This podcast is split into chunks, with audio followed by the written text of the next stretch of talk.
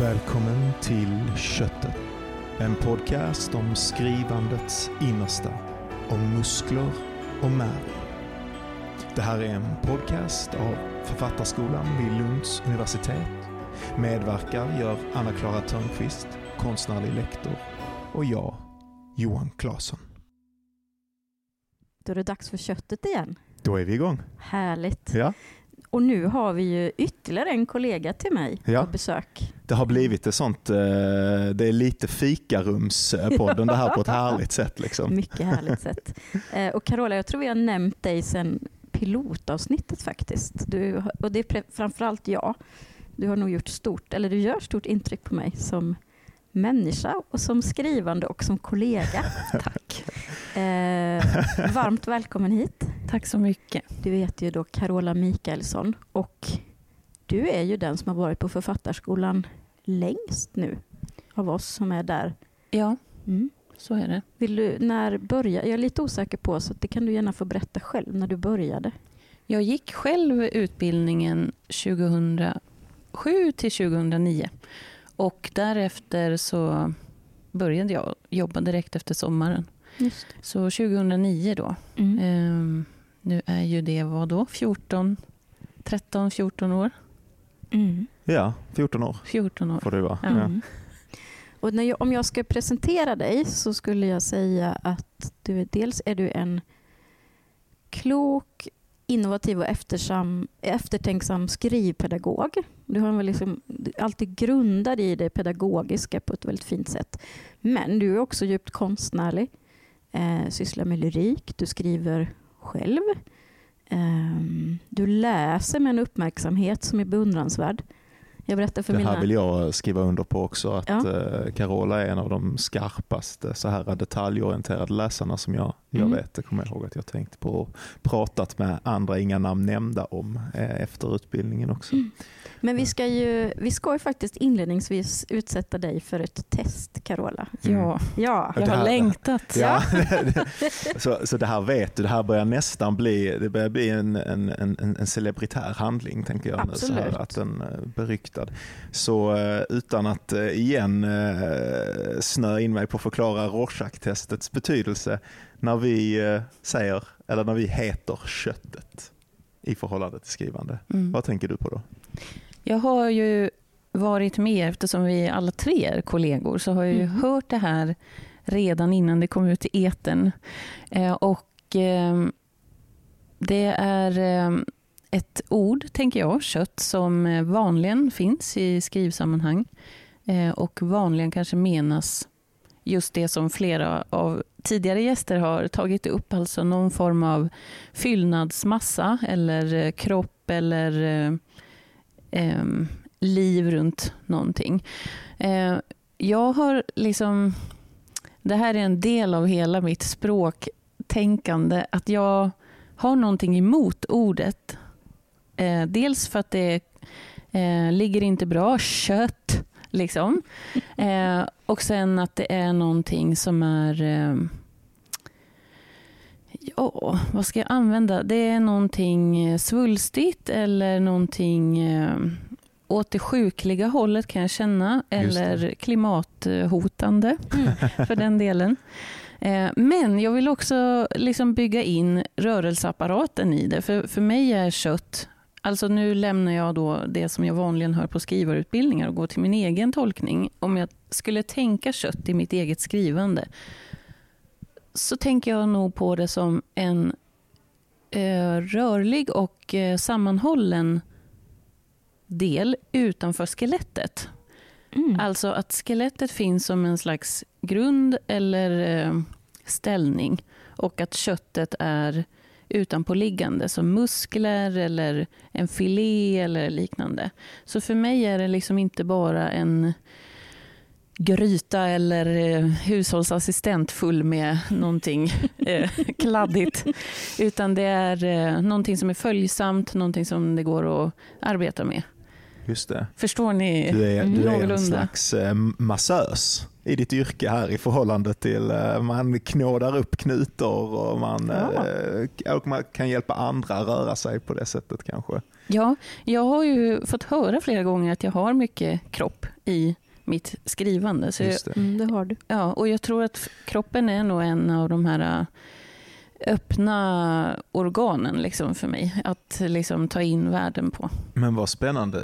Får jag då fråga, eftersom du hoppade så snabbt till äcklet inför det här begreppet, så här, men ändå så är du en, en, en kroppig skribent. Liksom. Skriver du mycket från en plats av äckel? Eh, ja, vill jag ju svara för att jag gillar det kontroversiella. Eh, men ja, ska jag säga, eh, även utifrån en mental aspekt av äckel, om man kan vinkla det åt det? hållet. Alltså att jag tycker om att eh, förfäras själv i läsning eh, eller eh, Ditto. Ja, vara med om eh, saker som jag inte hade väntat mig, saker som jag inte kan tänka ut själv och så vidare. Eh, och jag söker ofta något sånt i mitt eget skrivande också. Alltså både överraska mig själv och andra. Vad spännande. Det här vill jag, eh, för det här är en, en del som jag tänker är jätteviktig som vi inte varit inne på så mycket för andra, med, med de andra. Men när, hur tänker du? Hur överraskar man sig själv? Eller hur gör du när du sitter vid skrivbordet där, när du sitter med pennan och du är någonting, känner du att det börjar stelna och då händer någonting annat eller då måste du bryta mot det? Eller hur ser processen av att komma åt chocken, överraskningen, vad det nu än är? Ja, jag tror att det är så här, eh, just då kanske också i det ögonblick där texten blir kött, så är det när en ambition eller en grundkänsla, någon form av tanke möter det här eh, fiktiva eller magiska eller vad man än vill kalla det för. Och för mig är det hela tiden en gräns emot tabu, tror jag. Mm. Eh, så jag, om jag drar in någonting som är lite tabu eller lite ehm, alltså så här känt inom en minoritet eller så. Eh, men inte eh, Eh, så välkänt för en allmänhet. Då tycker jag att jag närmar mig någonting. Så om jag kan få till exempel en röst att låta lite opålitlig men inte helt självklar. Eh, Alltså inte helt självklart kanske Nej, jag vet inte hur jag ska säga det, men eh, jag tänker så här, en lite... Nej, vi måste bryta Ja, men- detta. Men jag, jag, jag kan kanske ta in en ny tråd som har med det här att göra. För jag vet att du och Johan delar ju faktiskt intresse för kreativitet. Alltså du brukar ha pass som kreativitet och du är allmänt intresserad över det, av det. Eh, är det här att överraska sig själv, är det ett sätt att nå någon form av kreativitet? Absolut, Ja. det är ett jättebra sätt. Mm. Eh, och i det arbetar jag även liksom kroppsligen Mm. med skrivandet. Alltså på så vis att jag utsätter mig för olika erfarenheter. Och de får gärna vara tabu. Mm. Eh, så när jag har jobbat själv med kreativa inslag i min vardag så gör jag saker som känns obekväma helt enkelt. Kan du Eh, ge något exempel på? Ja, för det här tycker jag är jättespännande, för det här hörde jag ju häromdagen. Så det här är, ja. Ja, jag har ett som jag ehm, är tillräckligt rumsren för att jag ska kunna berätta för studenter och det är ju att jag... eh, De icke rumsrena kommer vi ta i pausen. ja, bra. precis. De får vi spara till någon scenpodd. Mm. Eh, nej, men att jag eh, många år eller länge hade gått och tänkt på att det var så mycket pantburkar överallt eh, och eh, människor som plockar pantburkar är ofta ensamma, har en keps eh, neddragen, går omkring, ser lite slitna ut och sådär. Och jag kände själv, jag vill också plocka pantburkar. Jag har varit miljöintresserad sedan jag var barn, så det är nog delvis därför. Eh, men också för att det var sådär, det här passar inte riktigt. Om jag nu är en universitetsarbetande människa, många ser mig som en medelklassperson, eh, vilket jag inte identifierar mig med, men rent ekonomiskt så kan jag ligga där någonstans i det spannet idag. Så jag bestämde mig för att jag ska ut och plocka burkar. Eh, tog med mig svarta sopsäckar helt enkelt. Eh, och gick omkring och plockade och plockade och plockade. Och det roliga var då att i, när jag gjorde det här den första gången så var jag ute ja, ett par, tre timmar. Och fick två svarta sopsäckar fulla med burkar. Och så hade jag först en ambition om att skänka de pengarna. Eh, men då fick jag veta att det är ju en större tabusak att behålla de pengarna, att de är till mig. Mm. Och det kände jag var sådär, nej jag vill inte. Eh, jag vill ju göra det här för en god sak och så vidare. Men då bestämde jag mig, jag ska behålla de här pengarna själv. Gick och pantade och så hör det till saken då att jag fick sex kronor av två hela liksom, eh, svarta sopsäckar.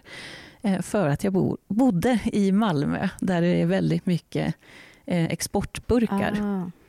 Just det. Eh, och jag hade ju också sett, eh, det var jag och ett par andra som var ute och plockade och jag hade sett ett par som eh, liksom gick förbi en del burkar. Så tänkte jag, varför tar de inte de här? Mm. Och spännande, man kommer in i en sån annan en, en logik och ett helt system av vetande som man inte känner till annars. Men jag tänker, okej, när du gör den sortens aktivitet, för det är ju verkligen eh, spännande och på, för mig så tänker jag på det, eh, man skulle kunna tänka att det är en, en, en pedagoggrej att göra, om än i, som du indikerar, liksom att du, du tar det mot en extremare form. Hur ser du sen att den här nyvunna friheten, den här tabun, den här transgressionen, överträdelsen, vad gör den med ditt skrivande som sker i anslutning till det eller med din möjlighet att skriva? Ser du att det faktiskt gör någonting eller gör det här någonting bara utanför skrivandets domän? Frihet, hur?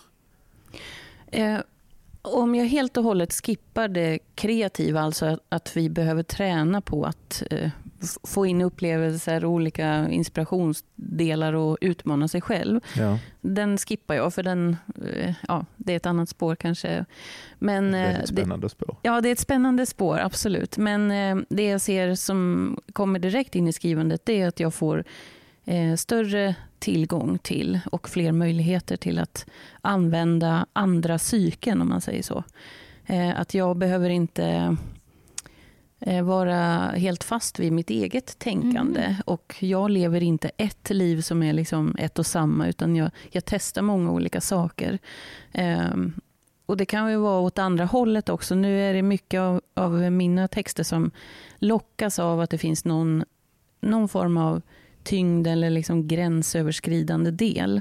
Men då kan jag också göra det till en rolig sak. Så om jag är ute och liksom löptränar så kan jag bestämma mig för att nu ska jag springa till en lekpark och eh, springa upp i ett nät eller eh, sådana där saker. Eh, och då blir ju det också en form av utmaning men som ändå är liksom en, en rolig sak då, om man säger så. Mm. Spännande. Mm. Jag, jag tänker, vi, vi, vi har nog frågat nästan alla hur, hur... För man kan prata om skrivprocessen på ett väldigt eh, abstrakt plan och eh, själsligt eller mentalt eller existentiellt. Alla, så. Men man kan ju också prata om det väldigt, väldigt konkret. Och vi har frågat nästan alla hur, hur det ser ut rent konkret. När, när skriver du? Hur länge? Med penna, med dator? Alltså, när du skriver. Du gör ju det väldigt mycket. Ja, jag gör det väldigt mycket och eh, sitter ju just nu med uppslagen anteckningsbok och en penna. Jag har gärna dåliga pennor, eller alltså de ska vara bra, men jag har reklampennor väldigt ofta.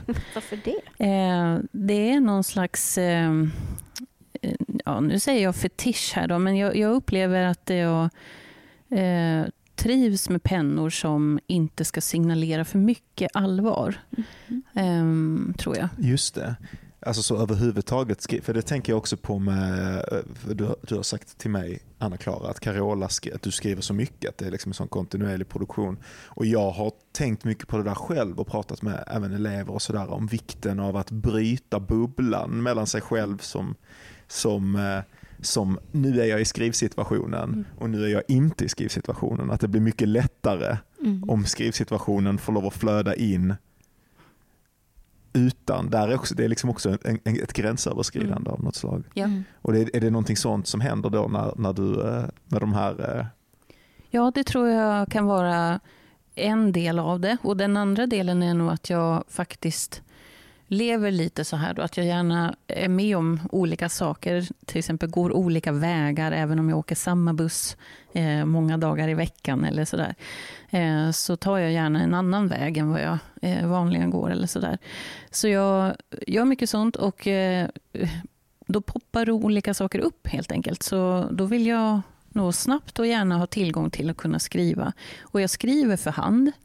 Eh, det sker väldigt ofta på platser som inte är skrivbord. Eh, det kan vara utomhus eller ståendes eller på bussen eller i skogen eller sådär. Ehm, ibland händer det också att jag eh, liksom talar in eh, och det är när jag hamnar i något läge när jag är ute och springer och så känner jag så här, men det här måste jag skriva in. Och då, då händer något konstigt, då pratar jag skånska. eh, och så spelar jag in det i telefonen då, via diktafon. Och sen Hur så... pratar du skånska när du spelar ja, in? Ja. Oj! Ja, det är något eh, skrivspråk för mig. Ah, eh, mm. ah. Men ah, jag kan lika väl sätta mig vid mitt skrivbord hemma och eh, skriva på dator. Ehm, jag är nog friare framförallt i poesin med papper och penna. Och jag har eh, jätte, jättemycket papper och pennor mm. och block. Men det här ständiga pågående skrivandet. Vi, vi hade ju Joakim som gäst i förra avsnittet och vi hade vi tre eh, plus Joakim och vår andra praktikant Vilska hade textsamtal här i veckan. Och då sa han att han hade 10 000 sidor dagboks anteckningar. Typ. Joakim sa det. Joakim sa det, ja precis. Men vad är det du skriver? Och vad, vad ham alltså, tänker, finns det massa olika papper? För, du, för mig är du en otroligt organiserad människa också. För du in det i datorn? Och vad är det för tankar? Finns det olika skrivande? Finns det dagboksskrivande? Finns det, kan du berätta mer om det? Ja, här kommer ju ett avslöjande då. Det är att jag är otroligt organiserad, men inte Eh, med alla de här eh, texterna som kommer. Så jag har, eh, det finns ett system för dem också självklart, men det är ett föränderligt system. Och i det systemet finns tre olika fack med liksom utrivna sidor som kommer från något block eh, där jag har skrivit eh, i tid och otid, alltså från väldigt många olika typer av block. Eh, och så hamnar de i, den där, i någon av de tre facken. Alltså det är bokstavliga fack? Ja, ja. det är verkligen eh, tre trälådor ja. i ja. mitt fina skrivbord. Eh, och där ligger de. Liksom. Många gånger tänker jag att här är ju en guldgruva, liksom att det här ska jag använda nästa skrivprojekt eller så. Men det blir väldigt sällan att jag liksom tar upp en lapp och verkligen börjar skriva. Däremot kan jag läsa dem emellanåt och hitta Åh, det här var ju kul, eller vad sjuttsingen menar jag här? Det här finns ju ingen nerv i, eller så. Just det. det, är något, det är någonting konstigt med det där eh, det har ju att göra med, som vi pratade mycket med, med Jocke om, med begäret. Liksom, att det är bara någonting när det kommer upp. Alltså allt det som är bra med det och som är rikt med det och sånt är bara det när det gör sin egen lilla dans genom medvetandet eller någonting och sen när man har satt åt sidan så är det liksom satt åt sidan. och Det är, det är inte riktigt det här husbygget som man tänker efteråt, att man bara kan ta alla de här tegelstenarna som man har. Och... Nej, eh, men i det så finns det också så här då att jag skriver i block och liknande till eh, även projekt. Alltså om jag har ett, det som ni pratade med Joakim om, album och riffande. Eh, så har jag både album och riffande liksom i mitt eh, dagliga skrivande. Eh, och då är eh, en del av det riffandet är ett sökande efter kanske ackord att använda in i det Precis. albumet. Eh, så mycket av det som jag skriver angränsar hela tiden till det som är aktuellt. Sen har jag också kollektiva eh, skrivanden eh, och där eh, är det poesi framför allt. Eh, och de, den typen av texter är väldigt lätt att skriva eh, enstaka texter av på bussen eller vad det än kan vara. Och eh, så är det min liksom vända den gången. Och Sen får jag tillbaka hela det dokumentet med någon annan dikt och så vidare. Eh, så det växelvisa skrivandet funkar ju också väldigt bra som bara små nedslag eh, när som helst. Jag sitter och tänker på att du, du lever som du lär väldigt mycket också. Alltså det här känns för mig i, i sanning skrivpedagogiskt på något sätt också. För vi brukar prata om flödesövningar och vi har väldigt mycket korta övningar med våra studenter, skrivövningar. Och då är väl egentligen betydelsen av flödesövning att man faktiskt pennan ska flöda. Så att man aldrig man skriver tre minuter utan att sluta skriva och tar det stopp så skriver man stopp, stopp, stopp eller jag vet inte eller så. Men när jag presenterar dem så brukar jag säga att jag tänker också att det finns en, en metaforisk betydelse i flödesövningar. För jag tänker mig att skrivandet är ett flöde genom oss och att det finns små rännilar in i det här stora skrivandet på något sätt. Och det är så jag också gärna vill, vad ska man säga, eh, ge den pedagogiska idén kring varför vi har olika skrivövningar. För de kan kännas meningslösa i stunden kanske för en eller annan. Men min erfarenhet, när vi går, du och jag har ju gått skrivpedagogutbildningen ja. och du har också jobbat där i många år, det kan vi återkomma till. Men där var min egen erfarenhet också att det kunde vara ett ord, det kunde vara en stämning, det kunde vara alltså en liten del i den här texten som gick in i mitt stora flöde som då var mitt projekt. Så jag tänker att alla de här lapparna, alltså på något sätt är det ju väldigt skrivpedagogisk. Ja, tack. Jag gillar när du säger så, Anna-Klara. eh, och, och, där kan jag också lägga till att jag eh, tycker om att ha skrivövningar när jag själv är lärare eller skrivpedagog som innehåller någon form av sånt där överraskningsmoment. Eh, för att jag och det är väl säkert en, liksom en egen läggning då. Man gillar när det kommer någonting som man inte hade väntat sig. Eh, men där måste jag också lägga till att ett metaspår är att jag gillar att överraska som lärare. Så om någon eh, tolkar mina instruktioner på ett eget sätt så tycker jag ofta att det är en tillgång, någonting roligt. Och så här kunde det också bli. Jaha, kunde man förstå det på det här sättet? och Så, där.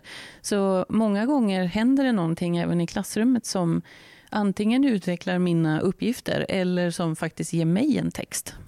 Mm. Jag vill fråga, för det, det, det är spännande för mig det här, det som vi säger nu, att, att du är eller så, du är så skrivpedagogisk, eller vad, vad vi nu säger.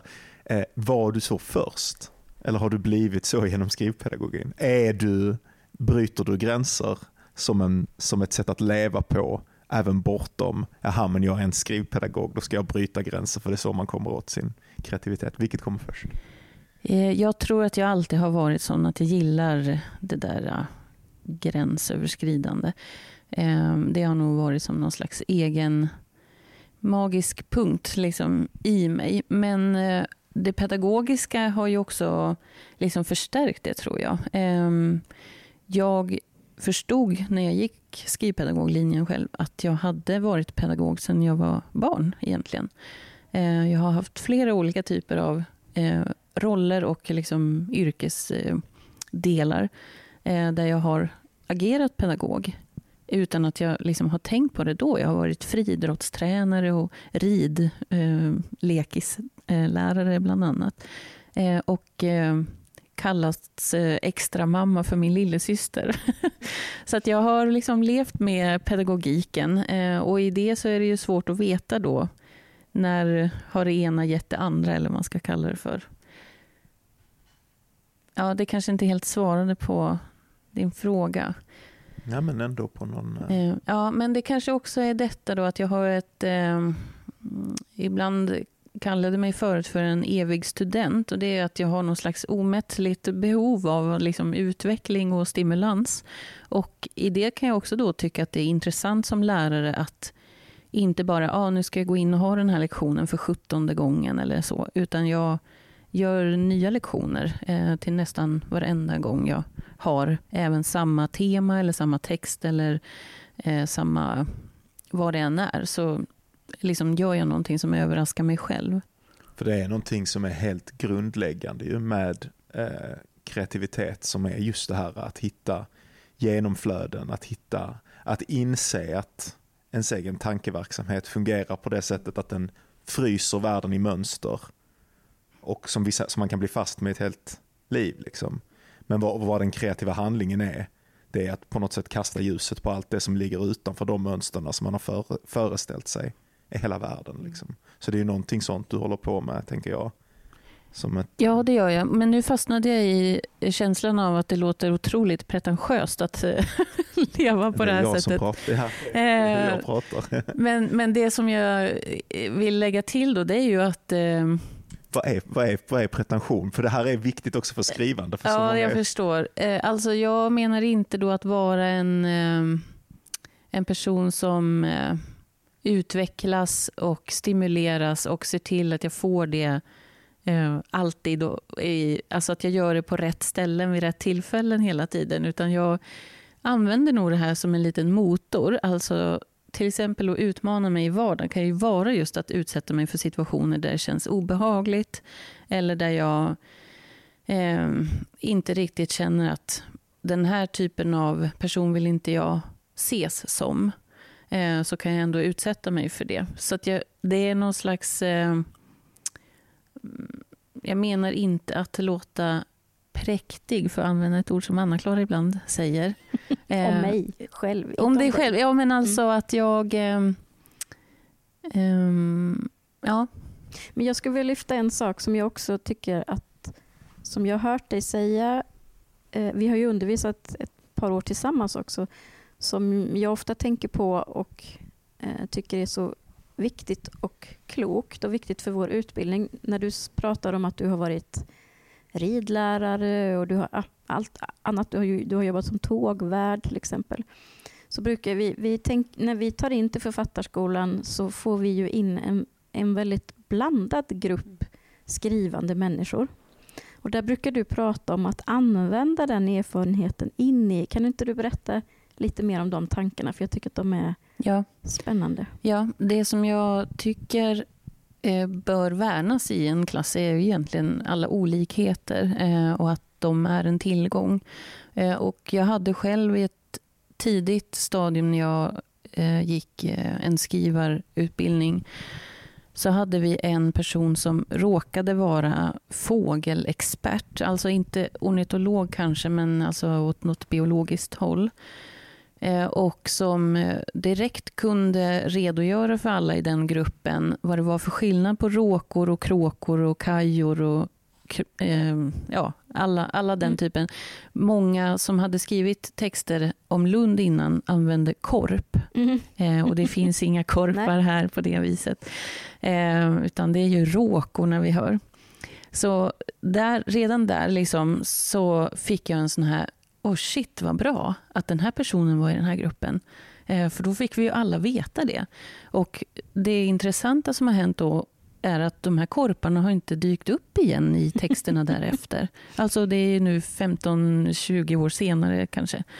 Eh, det tycker jag är väldigt häftigt. Då. Så det, det är liksom en slags eh, eh, erfarenheter och kunskaper som förvaltas eh, på ett helt omärkligt sätt. Mm, och du brukar också säga att för en stomme i vår utbildning är ju responssamtalen, det vill säga att vi talar om texter i process. Att man kan använda sina andra erfarenheter för att skapa ja. ett språk för att mm. tala om text. Mm. För det är så lätt att tänka att man ska behöva ha någon form av bildning eller vara litteraturvetare. Så. Mm. Men att man kan använda språk från boxning eller hockey. Absolut. Eller ja knyppling. Ja.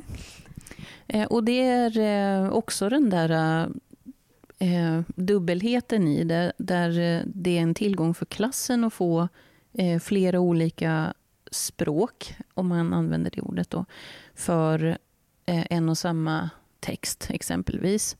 Men det är också ett lättare sätt att uttrycka sig på för en individ som framförallt inte känner sig trygg i det sammanhanget eller som inte är van vid att prata om text. Eh, och att använda sina egna erfarenheter då är ju eh, Alltså då har man lättare tillgång till sina egna upplevelser eh, inifrån. Och de är ju värdefulla mm. för alla där. Mm. Och det är viktigt för ens egen utveckling att kunna formulera sig kring text också. Alla begrepp behöver inte komma från början eller sådär. Och skrivandet är ju tvärvetenskapligt. Mm. Så jag tänker att det hela tiden är ett levande språk. Absolut, och jag tänker också, det finns ju, det har ju i många, många år riktats kritik mot skrivarskoleprosa.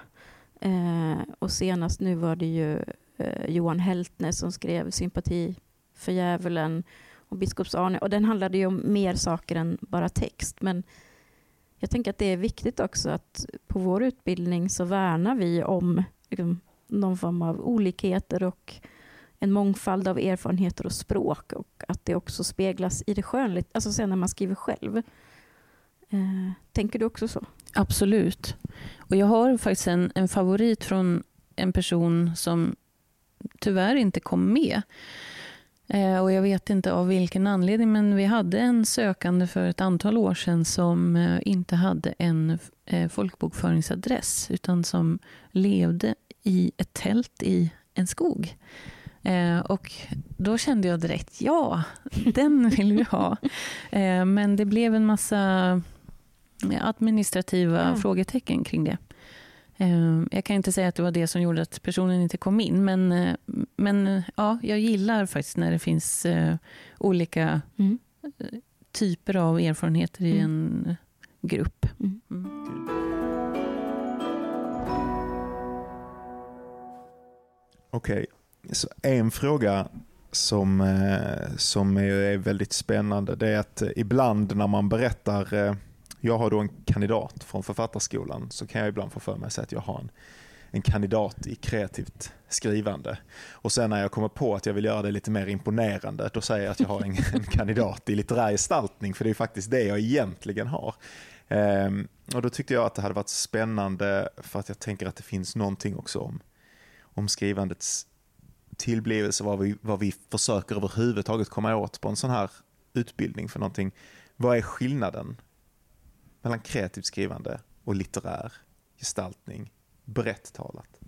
Ja, det får bli brett, men det är ju en otroligt spännande fråga. Och det är ju så i Sverige eh, runt att eh, det finns utbildningar som heter kreativt skrivande och det finns ett par som heter litterär gestaltning. Eh, och eh, sedan vi blev konstnärliga eh, här så har vi ju hetat litterär gestaltning. Ett konstnärligt ämne. Ja, ett konstnärligt Mm. ämne. Och för mig är det någon skillnad som kan vara väldigt grov, eller låta väldigt grov nu, men där jag tidigt hade en känsla av att kreativt skrivande var något mer eh, mallat, eller liksom Jättebra. efter en handbok. Eh, där litterär gestaltning istället var det ämne som sökte sig mot, eh, mot litteraturen mer kanske. Eh, mindre hantverk och mer eh, själva litteraturen. Och det öppnar ju upp mot vad är litteraturen för någonting då? Vad, vad sätter fingret på din känsla för vad det är, bara för att synliggöra riktningen? Det, det här är inte en ordboksdefinition. Eh, då tänker jag så här att det är individerna som är i utbildningen som eh, avgör det och visar det, vad det är för litteratur. Där jag istället i en kreativt skrivande klass kan tänka mig 30 personer som guidas av en lärare eller så. Eh, Så för mig är det mer individuellt med litterär gestaltning. Eh, Det svarar inte på frågan vad är litteratur, men jag tänker då att det är någon form av inifrånkommande eh, tanke och den kan se olika ut hos olika individer.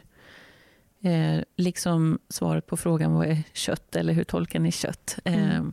Så kan vi ha lite olika bilder av det.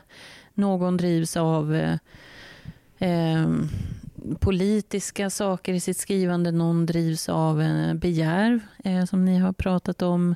Någon drivs av känslor. Alltså att det kan finnas väldigt olika eh, typer av skrivande eh, i det.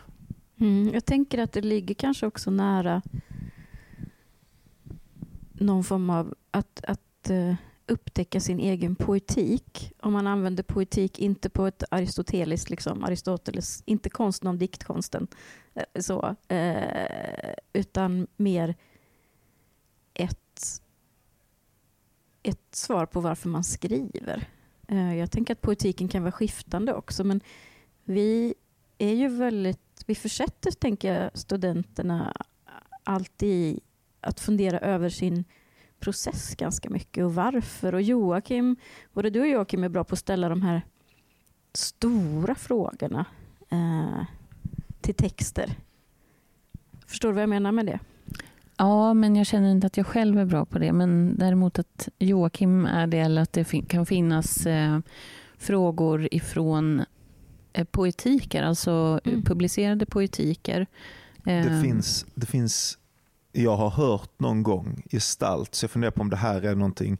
Gestalt är eh, den strukturell funktionella kompositionen utav någonting.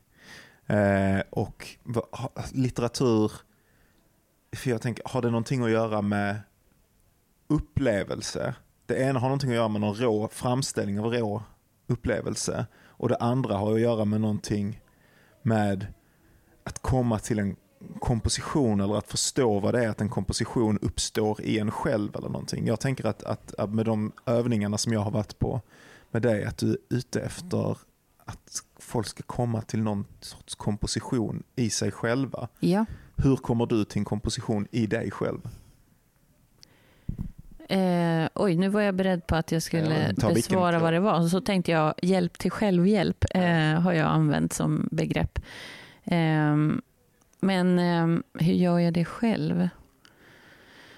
Eh, ja, men jag tror att jag är i ett sånt eh, sökande fortfarande, att jag inte är framme i det, utan att det kanske är ett sånt evigt sökande. Men att hitta vad är det i mig som ehm, gör det värt att skriva, om man säger så.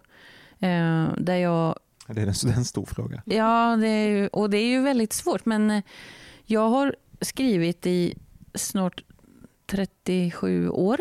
Eh, inte liksom texter kanske För ända från början. För att man ska förstå hur roligt det yttrandet var så måste vi ju tala om att du fyller 40 om, om typ några veckor. Vecka. Ja. Så att sen du var tre? Sen jag var tre mm. har jag mm. skrivit.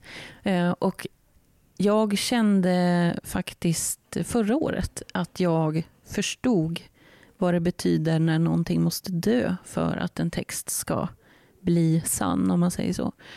Eh, och det har jag ju trott att jag har förstått eh, flera gånger tidigare. Men förra året kände jag, jag förstår det nu och jag är beredd att offra det eh, i det skrivandet som jag har. Och Det är en sån konstig insikt som ställer nästa fråga. Vad är jag då beredd att... Nu lever jag till exempel med tre andra individer. Eh, vad kan jag offra gentemot dem? Alltså mm. inte bara lämna dem, tänker jag, utan hur kan jag må när mm. jag lever tillsammans med dem? Mm. Eh, är det liksom ansvarsfullt av mig att eh, må dåligt för att mm. det passar mitt skrivande?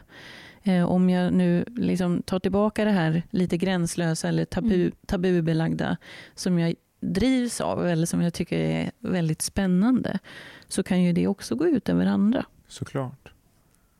Så den typen av frågor tänker jag är det som är spännande men som jag kanske inte all, tror att jag kommer komma fram till eh, ett enda svar som räcker för all Nej, framtid. Men är det inte det som är själva drivkraften? Då? Jo, det är en drivkraft. Att absolut. man inte kommer fram mm. till svaret. Mm. Så att man måste hela tiden vidare. Mm. Precis, att det är på något sätt, det tänker jag också, att, att skrivandet är en sån att det finns lite olika saker man kan hitta. Jag tror det är väldigt viktigt att man hittar någon sån här sak som har karaktären av evigt djup. Ja. Och Det är ju också det här att, att stiga utanför gränserna, att stiga utanför strukturerna, att stiga utanför de stelnade mönsterna. Det gör ju också att där finns alltid någonting. Ja. För varenda gång du införlivar mm. någonting annat in i din, din begreppsvärld liksom, eller någonting, så lämnar du ute någonting annat. Och så Att vara kreativ eller att vara skrivande, det är ju att trycka ut i det där hela tiden. Ja, sätt. eh, men det som jag också menar är att det är väldigt viktigt för mig att inte vara en lärare som eh, tycker att alla studenter jag har och möter ska göra likadant. Utan Just de det. behöver hitta sin väg. Eh, och eh, det är, eh, det är verkligen eufori när man hittar den tillsammans. Eller liksom Mm. ser att någon förstår. Aha, det är det här som driver mig. Har du, eh, kan du sätta det, för det här kan jag verkligen tänka mig, för det här är så på nivån av, av intuition, men kan du sätta ett finger på vad det är för position du intar som låter dig inte tvinga in eleven i någonting utan låter dig se det som behövs för att de ska puttas över in i sin egen insikt?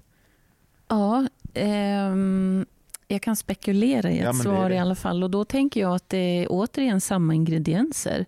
Jag behöver vara sann i det. Det måste vara sant för att den personen ska förstå det. Men jag tror också att den personen behöver överraskas. Alltså inte överbevisas, för det låter ju också förmätet. Men att eh, visa eller fråga, kan det vara så här? Och Mm. så vet man, man bara ser på den personen att ja, så är det. Mm. Det är någon, någonstans där. Och Det kan vara en sån där, återigen väldigt pedagogisk sak att kanske inte alltid uttala det själv utan låta personen själv komma fram till det. Kan, behöver du någon som gör det åt dig? Eller har du lyckats integrera den här personen så att du kan vända den mot dig själv? Den som säger, kan det vara det här? Jag tror att jag faktiskt använder mig av eh, litteratur för det. Eh, för att jag eh, tillsammans med litteraturen kan samtala mig fram till en punkt där jag känner att här utmanar jag mig själv. Just det. Så då har jag ju på något vis lärt mig hjälp till självhjälp då. I alla fall att jag kan söka upp litteratur eh, som kanske inte alltid passar mig och så bestämmer jag mig för att gå i dialog med det. Och så hur, hur ser det uppstår- ut rent praktiskt? Vad är det att gå i dialog med en text själv? Det kan också vara väldigt, väldigt olika. Eh, antingen så kan det vara Eh, en reklamaffisch eh, där någon gör någonting väldigt snillrikt som faktiskt väldigt mycket reklam är. Att de har fått till en dubbel innebörd eh, i ett ord eller en mening eller liknande. Så det kan vara många sådana saker. Ehm, det, det finns till exempel en reklamskylt som jag minns från när jag var tågvärd som satt på en sån här nackskylt. Och då stod det Sveriges kundaste nöjder. Och jag tycker det är så underbart. Eh, så sådana grejer kan liksom locka mig in i någonting. Då är det ju kanske vanligen poesi. Mm. Eh, annars så är det mer en typ av eh, du-tilltal som jag använder mot texter där jag känner att det finns en tydlig gestalt men som jag liksom lite grann förvanskar. Eh, som eh, det finns eh, Ola Hansson har jag gjort så med. Mm, Eh, mm. vi hade ett projekt här, eh, Anna-Klara och jag och några studenter där vi läste några olika författare, bland annat Ola Hansson. Och i- med dagens mått mätt så finns det en del att liksom önska i Ola Hanssons uttryckssätt och liknande, kan jag väl få säga. Eh, och det då tycker jag är väldigt spännande. Så då blev det så här att jag eh, blev en... Eh, alltså min röst som skrev blev en väldigt löpande person eh, som berörde psykisk ohälsa för Ola Hansson eh, hade eh, knytpunkter till det också. Eh, och så liksom håller jag på och, och närma mig, ungefär gör mig kompis med en person eh, på ett sätt som då inte alls eh, stämmer med verkligheten om man säger så. Och det gör jag då för att locka fram någon form av närhet där jag själv kan ta ut svängarna. Det är fint. Vi, vi har boksamtal nu med våra tvåor. Och då får de avsluta varje boksamtal med en reflektion kring vad de tar med sig till sitt skrivande ur det de har läst. Och då hade en, en grupp läst Edward Louis Metod och så heter det någonting mer. Eller så heter det någonting före. Ja, förlåt, vi kan kolla upp det. Eh, men då var det en som sa att jag har lärt mig att man kan när man skriver kan man tala med dem som man inte kan tala med annars. eller på annat vis. Det är precis det, verkligen. Mm. Det var så fint. Mm. Det är verkligen så. Eh, och Det kan också vara såna här frågor som väcks. Ehm, till exempel har jag tidigt eh, när jag gick eh, författarskolan själv så fanns det liksom ett rasismspår som jag tyckte också var sådär. Det här är helt tabu, det är inte ens lagligt. Men jag behöver liksom nosa in i detta. Så då hade jag en person som förhöll sig till en, en eh, familjemedlem som i sin tur hade gift sig med en person från en annan kultur. Och så försvarar den här personen det ungefär som att det är på grund av det här det skär sig och sådär. Så jag, det är lite åt det hållet att jag liksom gärna kan söka mig till jag, för, jag förstod inte riktigt, vad, vad, vad, var det som hade, det var, det var det någon som hade kommit in, som hade ett sånt här spår eller vad, som, du, som du fick reflektera över? Eller var det en text du läste som du fick, eller vad var det som var, det, var kom det här rasistspåret ifrån? Eh, det, är, ja, det var eh, runt i eh, eh, grupp, alltså det kom utifrån helt okay. enkelt, ja, som ämne. Okej, okay. alltså det var någonting som, som, som diskuterades? Ja. Okej, okay. mm. och, du, och det, det här var någonting som du kunde gå i? Ja, jag tror att det handlar också om censurfrågan som ibland dyker upp i skrivsammanhang. Eh, vad får man skriva? Vem får skriva vad? Eh, vad får det handla om och så vidare. Och Hur förhåller du dig till den frågan? Där har jag alltid varit väldigt eh, eh jag vet inte om jag ska använda kontroversiell eller liberal, men jag brukar säga så här då, vi kan inte ägna oss åt censur. Nej. Eh, Varför och, inte då? Ja, nu tänkte jag säga jag vill inte det, men det är ju inte svaret. Eh, ja, för att eh, då blir också en, en, fråga, vem ska bestämma då? Eh, alltså vem är det som kan ta sig rätten att bestämma vad andra får skriva? Eh, det blir en form av maktfråga och filosofisk fråga i förlängningen som inte går att hitta något demokratiskt eller humant svar på, tänker jag finns det också möjligen olika frågor i um,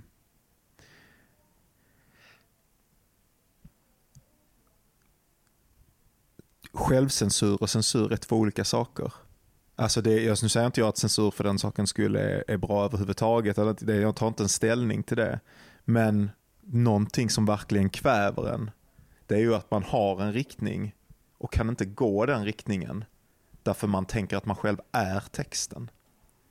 Jag tänker också att ni har pratat om det tidigare någon gång i responssamtal och sådär. Hur, hur tänker du kring det där att, att separera sig själv från texten och samtidigt att, att låta texten bli det den är? Och... Ja, eh, och det är faktiskt precis det som hände mig förra året då med det här aktuella skrivandet jag har. Att, eh, där var det nog faktiskt lite åt det hållet. Att jag eh, höll tillbaka på grund av anledning tänkte jag säga nu, men allt att jag aktade mig för någonting. Eh, och ändå fick den här insikten att eh, jag behöver liksom, eh, gå emot det här för att det ska kunna bli den texten som jag vill skriva.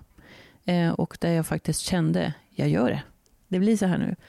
Eh, ja, så där tänker jag att självcensur, det är någonting som vi kanske får jobba med mm, också sådär äh, kontinuerligt.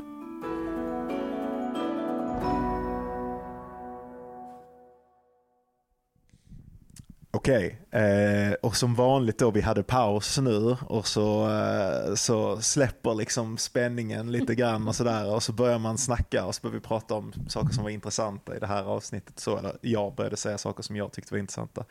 Eh, och liksom så här, eh, Carola pratade om hur mycket man avgränsar sig när man pratar. Ska man avgränsa sig till bara skrivandet när man pratar om en konstnärlig process eller är de här att plocka burkar och sånt relevanta? Och det, det är det ju på något sätt känner jag. Det är precis det här som, som är en del av en konstnärlig process.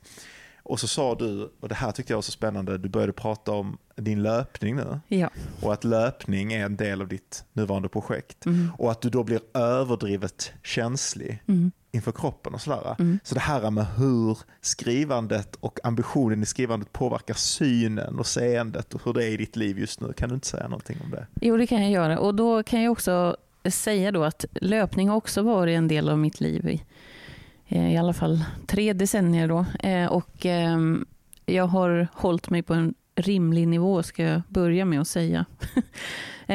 Men den ena karaktären i mitt nuvarande projekt, ett prosaprojekt, eh, tränar och löptränar och trillar liksom över till det som blir ett slags eh, narkomaniskt eh, springande. Eh, och i det tänker jag, det finns flera andra levnadssätt som påverkar, men det blir till slut inte bra. Det blir en överbelastning. Och eh, då har jag ägnat mig nu åt att eh, under vissa löprundor eh, fokusera på hur känns det exakt när jag springer lite för fort? Eller hur känns det nu eh, i knät här eh, när jag slår i asfalten på det här viset? Eh, och jag har eh, ganska nyligen, eh, förra året, gått över till tålöpning, eh, en annan typ av sko och liknande. Och med det följer ju också ett annat sätt att röra kroppen, vilket gjorde att jag helt plötsligt blev medveten om oj, nu gör det ont i den här senan. Det har det ju aldrig gjort. Och så liksom kan jag låta det vara så för att eh, få fatt i vad den här karaktären då kan drabbas av. Just eh, så just nu håller jag faktiskt på att utsätta min löpning för eh, lite mer extrem behandling än vad den kanske egentligen skulle må bra av. Spännande. Det är ju verkligen kroppen som insats. Köttet alltså. som insats. Ja, ja, Men jag tyckte det var jättespännande. Du sa att nu har jag gått över till tålöpning ja. och det förändrar spring, alltså springandet. Mm. Eh, och då tänkte jag med en gång, ja, men det går ju att överföra på skrivande. Och hur man väljer att alltså, Man tar, gör ju massa, massa val när man skriver. Eh, och du skriver både prosa och lyrik till exempel. Är det att springa på tå och på ett annat sätt? Eller, alltså hur tänker du på vilken uttrycksform ditt, alltså vilken form ditt skrivande får när du skriver hela tiden? Och liksom... Mm. Det var ju en väldigt fin övergång, Anna-Klara. Eh, jag, jag, tänker nog att det finns likheter, men kanske egentligen inte i fotisättningen, eh, utan i eh, förhållandet. Mm. Eh, så om, eh, om jag liksom skulle tänka poesi, då skulle det vara en inte lika planlagd löptur. Fint. Eh, och en prosatext är kanske ett mer målmedvetet tränande mm. under lång tid. Och det tänker jag är på grund av de större bågar som faktiskt ja, även jag måste säga det här. Jag har inte varit något fan av struktur på det mm. narratologiska sättet tidigare, men det är ju ändå så att många vi behöver bågar helt enkelt. Vi mm. behöver få saker att hänga ihop mm. i det längre. Um, det kan absolut göra det även i lyrik, men eh, det behöver inte vara på exakt samma sätt. Nej. Men jag är så nyfiken på de här eh, tre lådorna. De kommer vi ju aldrig få se Johan, tänker jag. Men, men, eh, och du behöver inte berätta om hur du sorterar, eller så, men hur som helst så hamnar det en massa olika lappar där. Och du har också pratat om att överraska sig själv och, och sådär. Då tänker jag, vad kommer ut som lyrik? Vad kommer ut som pros? Alltså, vet du det innan? Ja, ja. Eh, det vet jag innan. Och väldigt ofta är det så att om jag skriver texter som jag tänker vänder sig till barn eller om jag skriver lyrik så gör jag det i block som jag tänker passar stämningen eller så. Mm. Så en del lyrik som jag har är liksom skrivna i olika typer av böcker eller eh, sådär.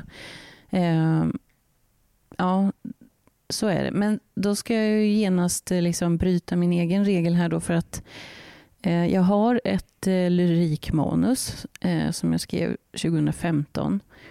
Eh, och det var, då var jag på ett vistelsestipendium i södra Lappland och skrev fjäll. Och då var jag verkligen ute också och skrev med myggnät och handskar och regnkläder och mm. allt sånt där. Och fick sitta under granar ibland för att skydda papperna från regn. Vad roligt att du är så i värld ja. i förhållande till ditt skrivande. Liksom. Mm. Ja, och det var ett, det var ett eh, otroligt roligt skrivande. Men, eh, och det blev en diktsamling av det som har varit in och vänt hos förlag och sådär. Men det jag håller på med nu är att göra det här aktuella prosaprojektet jag har eh, ifrån det poesimanuset. Så det poesimanuset bär miljön. Mm. Eh, och det som adderas är eh, egentligen storyn. Eh, så just nu håller jag faktiskt på då att skriva in en berättelse Mm. även i något som var lyrik. Är det så att dina dikter, om du, ska- är, är, det, är det de som tränger sig på på bussar och, och Ja. sådär och sen så mer datorskrivandet det är ett romanskrivande eller det är, sker, det sker diktning där också? Du sa att du hade båda de här Ja, det är båda. impuls. Ja. okej. Mm. Eh, och det kan också komma saker till det aktuella skrivandet på lektioner eller på bussen eller sådär och då skriver jag ner dem. Så jag har nästan alltid, eh, om jag sitter och bläddrar i mitt block så vet ni att då håller jag på att skriva skönlitterärt parallellt. Eh, för det kan komma ifrån en skrivövning eller ifrån någon eh, idé som någon annan har eller ifrån eh, bara en känsla jag får eller vad som helst. Och då skyndar jag mig att skriva ner den sist i blocket och så river jag av därifrån och stoppar in i mina Mm. fack i Men Jag tycker skrivbordet. det är så fint. Jag vet, eh, jag, jag jobbade på lärarutbildningen i många år och då finns det en forskare där som heter Gunilla Molloy som brukar säga att ska man få sina elever att läsa så måste man vara en läsande lärare. Och jag tänker att ska man undervisa i, i litterär gestaltning och att, om att skriva så behöver man vara en skrivande lärare. Och du är ju verkligen det även ibland i klassrummet. Ja, ja visst. Ehm, ja, det tycker jag om att ehm, kunna skriva. Det är inte alltid jag har tillåtit mig det.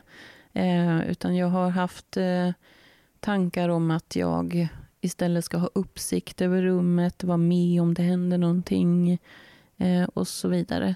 Ehm, men ibland så litar jag kanske mer på klassen eller eh, ibland så vill jag inte hålla tillbaka en idé. Eller ibland så vill jag gå emot mina egna regler. Ja. Mm. Mm. Det känns ju som en, alltså på något sätt slöt du cirkeln där Carola. Du Ja. börjar ju lite där med att gå emot sina egna regler. Att det är nästan en sorts poetik för dig. Ja, det är det nog faktiskt. Ja. Så att det blev ett väldigt... ja, tack. Jag ser ju då att jag har gjort en slags eh, struktur var en här. båge. Ja, Eller en. Så man kanske Ja. de kanske kommer ändå. Jag har Det här är lärt mig någonting. Ja, Mm. de här bågarna, de, eh, man behöver inte De nödvändigtvis. sitter i köttet. Jag tror de sitter i köttet. Ja. Stort tack Carola för Tack att du ville vara med mycket. oss. Tack så jättemycket.